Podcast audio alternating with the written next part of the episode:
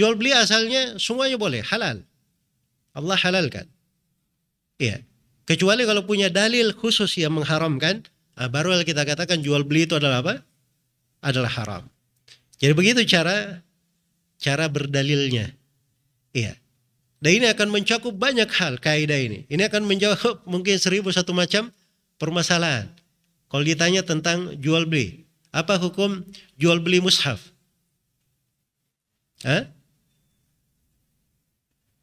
Apa hukum jual beli mushaf? Jawabannya halal, dibolehkan. Asalnya dalam jual beli adalah apa?